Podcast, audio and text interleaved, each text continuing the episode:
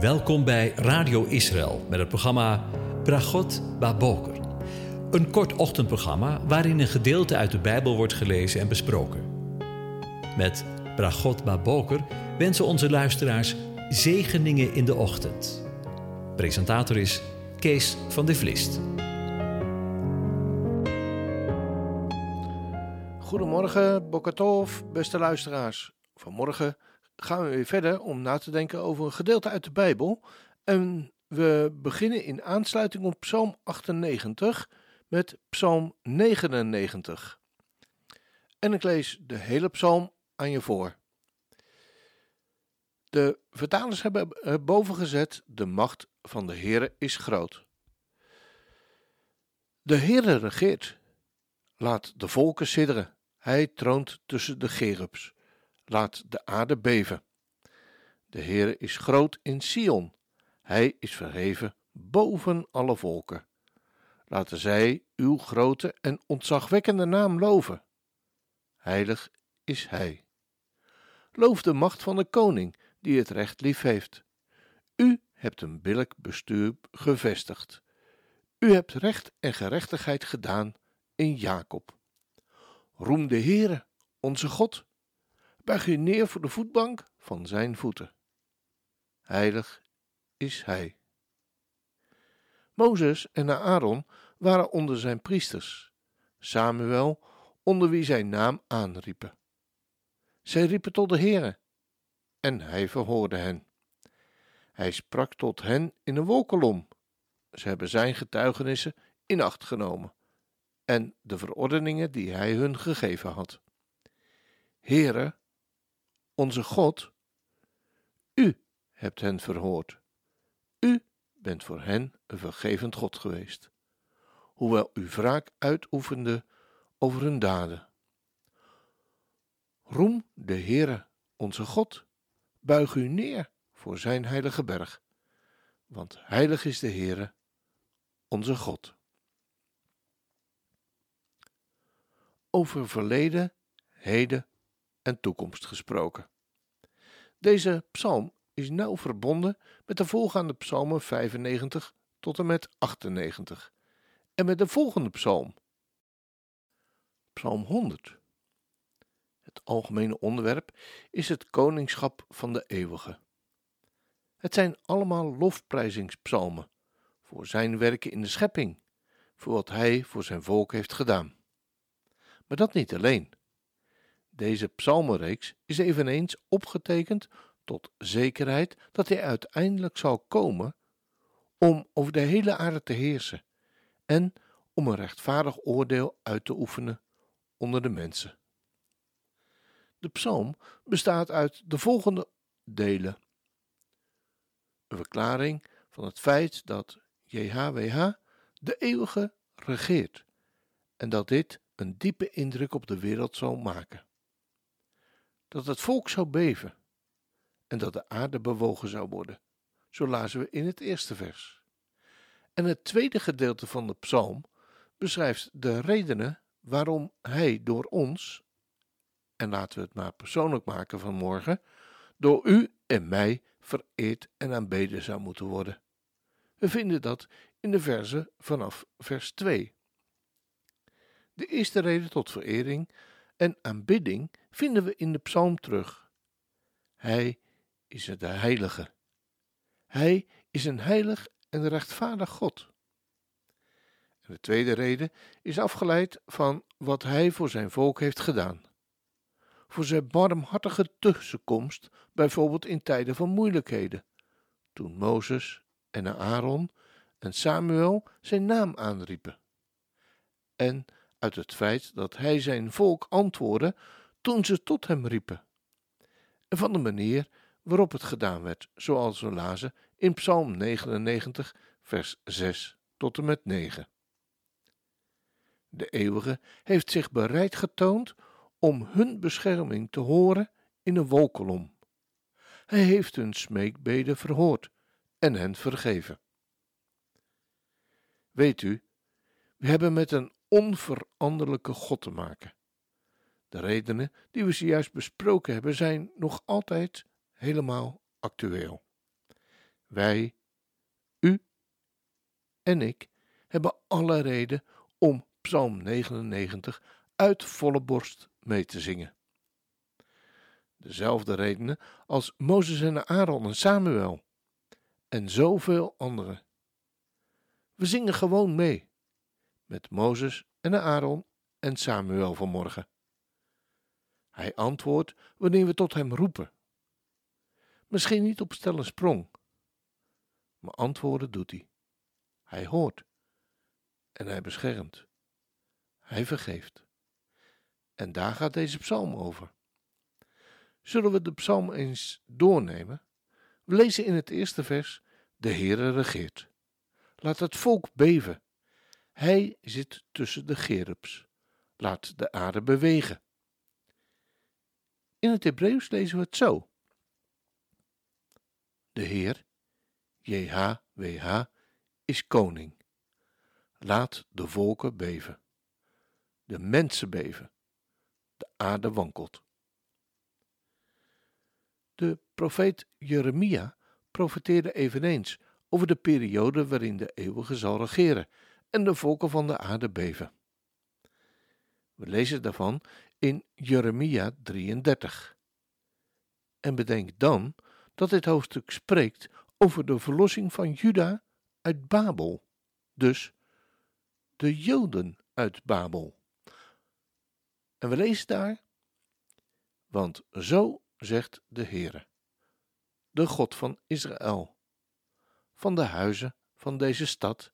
En wanneer de Bijbel spreekt over de stad, dan wordt daar natuurlijk Jeruzalem mee bedoeld, want het gaat over de stad. En van de huizen van het koningen van Juda, die zijn afgebroken voor de belegeringsdammen en voor het zwaard. Waar zijn ze gekomen om te strijden tegen de Galdeeën? Het is om ze te vullen met de dode lichamen van de mensen die ik verslagen heb in mijn toorn en in mijn grimmigheid. En omdat ik mijn gezicht voor deze stad verborgen heb, om al hun kwaad. Zie, ik ga haar herstel en genezing bevorderen. Ik zal hen genezen. Een overvloed van duurzame vrede letterlijk vrede en trouw, zal ik hun bekendmaken. Ik zal een omkeer brengen in de gevangenschap van Juda en in de gevangenschap van Israël en hen opbouwen als vroeger. Ik zal hen reinigen van al hun ongerechtigheid waarmee zij tegen mij gezondigd hebben. Ik zal al hun ongerechtigheden vergeven, waarmee zij mij tegen mij gezondigd hebben en waarmee zij tegen mij in opstand zijn gekomen. Het zal voor mij worden tot een vreugdevolle naam, tot roem en tot luister bij alle heidevolken van de aarde, die al het goede zullen horen wat ik hun, Juda of de Joden, doe. Zij, dat zijn de heidevolken, zullen beangst zijn en sidderen vanwege al het goede en vanwege al de vrede die ik het, dat is het volk van Juda, breder Israël, verschaft. Ook hierin zien we dus een ongelooflijk groot verschil tussen de heidevolken en zijn volk. De Galdeeën, u weet wel, Ur, de Galdeeën. U weet wel, het waren de koningen van de Galdeeën, de koningen vanuit het goddeloze Babel, die geen afscheid konden nemen van de toren en uiteindelijk werden verslagen door Abraham. Door de hele Bijbel heen is er sprake van de strijd tussen Babel en Jeruzalem. En laat ik het maar in één adem noemen: tussen de duivel en de eeuwige.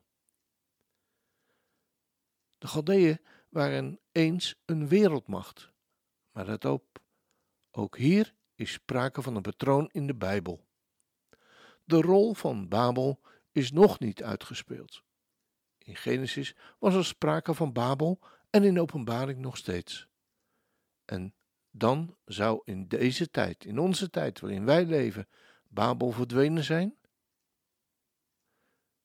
De profeet Habakkuk, die wist wel beter. Wanneer we in hoofdstuk 1 vers 6 lezen, want zie, ik verwek de Galdeeën, een bitter en snel volk, trekkende door de breedte der aarde om erfelijk te bezitten woningen die de zijne niet zijn. Wat dat betreft is Babel nog springlevend en actueel, maar niet erg creatief.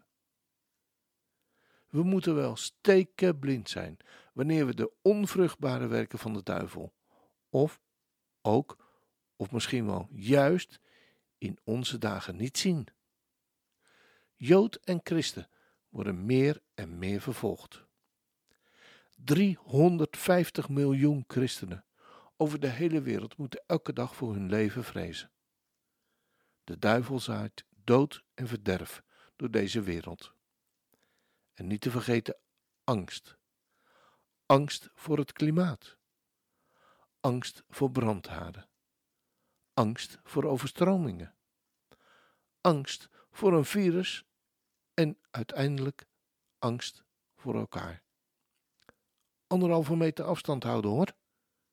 En het advies: een mondkapje om voor je mond te houden en je handen stuk te wassen.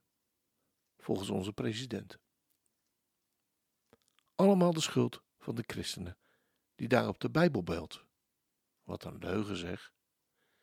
Maar de macht van de Heere is groot. De Heere regeert. Zo lazen we vanmorgen in deze psalm. En als dat geen zegen is. De psalm spreekt over de macht en grootheid van de Heere. JHWH. Maar daar gaat ook het lied over.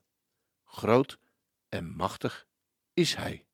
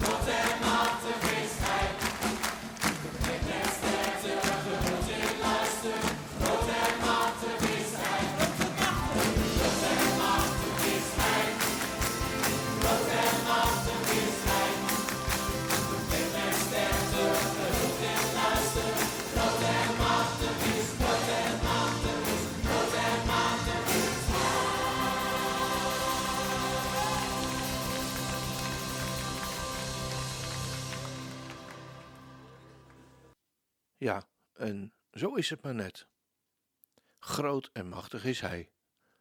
Laten we dat alsjeblieft niet vergeten binnen alle toestanden die er in deze wereld uh, plaatsvinden. Dat Hij boven alle dingen staat, boven alle gebeurtenissen, wat er om ons heen gebeurt. Of dat nu brandhaarden zijn, of dingen waarin we beperkt worden, als we misschien niet gevaccineerd zijn, of als we misschien juist gevaccineerd zijn. Maar laten we elkaar in ieder geval met respect benaderen. Laten we respect hebben voor elkaars keuze. En uh, wat er ook gebeurt, hij staat erboven, want groot en machtig is hij. Dan wens ik u God zegen toe, ook vandaag. De Heer zegene en hij behoedt je. De Heer doet zijn aangezicht over je lichten en is je genadig. De Heer verheft zijn aangezicht over je en geeft je zijn vrede, zijn shalom. Amen.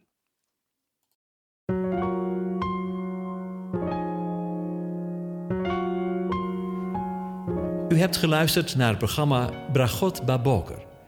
Een kort ochtendprogramma waarin een gedeelte uit de Bijbel wordt gelezen en besproken. Wilt u het programma nog eens naluisteren, dan kan dat. Ga naar radioisrael.nl en klik onder het kopje radio op Uitzending gemist.